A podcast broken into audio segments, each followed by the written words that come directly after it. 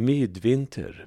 En krönika införd i Nya Värmlandstidningen den 2 januari 2022. När den stora julhelgen är över är det ändå inte riktigt slut på högtidsdagarna under midvintern. Visserligen sägs det att julen varar än till påska, eller åtminstone till fastan. Men själva firandet går snart förbi. Några ljusglimtar finns det ändå kvar att lysa upp vintermörkret med. Nyår firas ju ofta ganska storslaget med tillbakablickar över det gångna året och med önskningar inför det kommande. Framförallt är det nyårsafton som är den stora kalasdagen då det nya året ska vakas in till god mat och dryck, ofta i glada vänners lag. Om vi tittar tillbaka ända till 1800-talets nyårsseder i norra Värmland var Mickelsmäss och jul långt viktigare. Men traditionen bjöd ändå att man skulle åka till kyrkan på nyårsdagen. I synnerhet om man missat att åka dit på juldagen. Det som hände på nyårsdagen ansågs ha en viss betydelse för hur det kommande året skulle bli. Så som man kände sig då skulle man känna under det kommande året. Det innebar antagligen lite återhållsamhet i drickandet kvällen före inför hotet om en årslång baksmälla. Kararna skulle besöka varandra för det betydde tur att få påhälsning av en kar. En kvinna som man mötte förde däremot otur med sig. Tiden var starkt mansdominerad. Man kunde också söka vägledning inför det kommande året genom att slå upp en psalm i psalmboken på måfå. Den psalm som ögonen först föll på skulle säga något om hur året skulle bli och vad man hade att rätta sig efter. Detta skulle göras vid årets första nymåne. En underlig sed i Dalby och på Finnskogen var att ungdomarna, både pojkar och flickor, gick i stugorna och tiggde tråd på nyår. Enligt någon på nyårsafton, enligt en annan på nyårsdagen. De skulle ha nio lingarnsändar från varje ställe och dessa skulle de ha att laga kläderna med under året som kom. Det var då bra om trådarna hade olika färg. De kunde också ges som gåva eller minne från en flicka till hennes fästman. I Dalby band de ihop garnändarna i dockor som de fäste i mössorna. Detta underliga trådtiggande förekom också under julens dagar.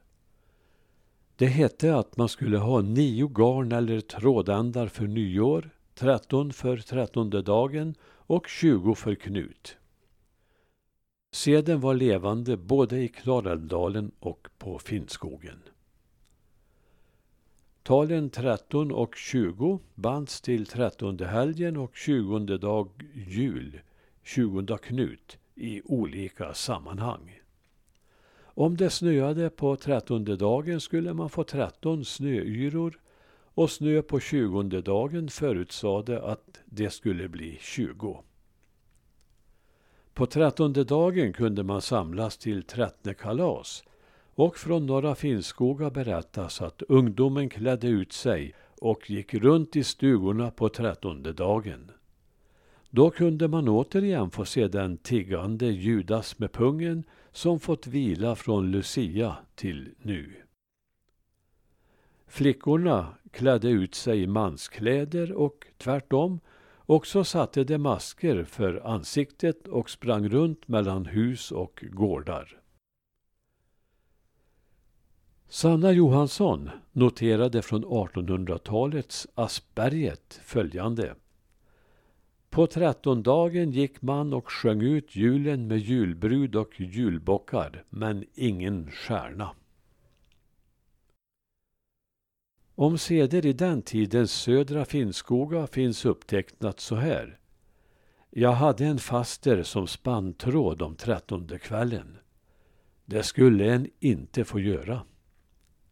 När det hade lagt sig så började rocken på att svinga. Det blev inte fred. Till slut gick hon upp och kastade kjolen över spinnrocken.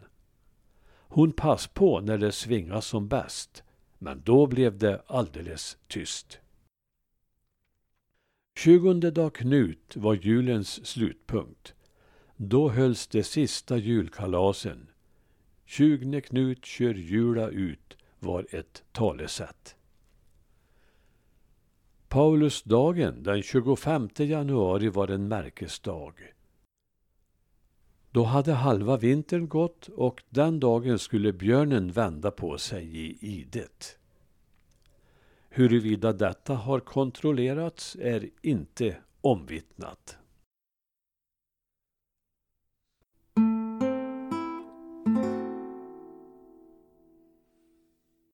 Och så hälsar jag det nya året välkommet med en liten vinterdikt. Vinterhimmel. Den yttersta stjärnan i Karlavagnsbågen står rakt över Hagidas hus.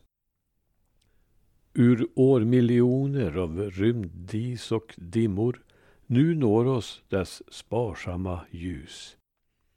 Och mer åt nordost, högt där uppe på himlen, som hela vår stjärnhimmels nav, står Polstjärnan stadig i fast position i rymdens oändliga hav. Orion med gyllene bältet syns glimma bak träden i Prästgårdsallén. Ur mörkblåa natthimlen ger Vintergatan ett vackert och silvermjukt sken. Och sparkmedar sjunger mot gammelvägsisen en sång ifrån barndomens år. Och snön ligger glittrande vit invid stallet i stigen och hästarnas spår. I allt detta okända svindlande stora i ljus av eoner som flytt. Jag väntar att Betlehems stjärna ska tändas och stå över stallet på nytt.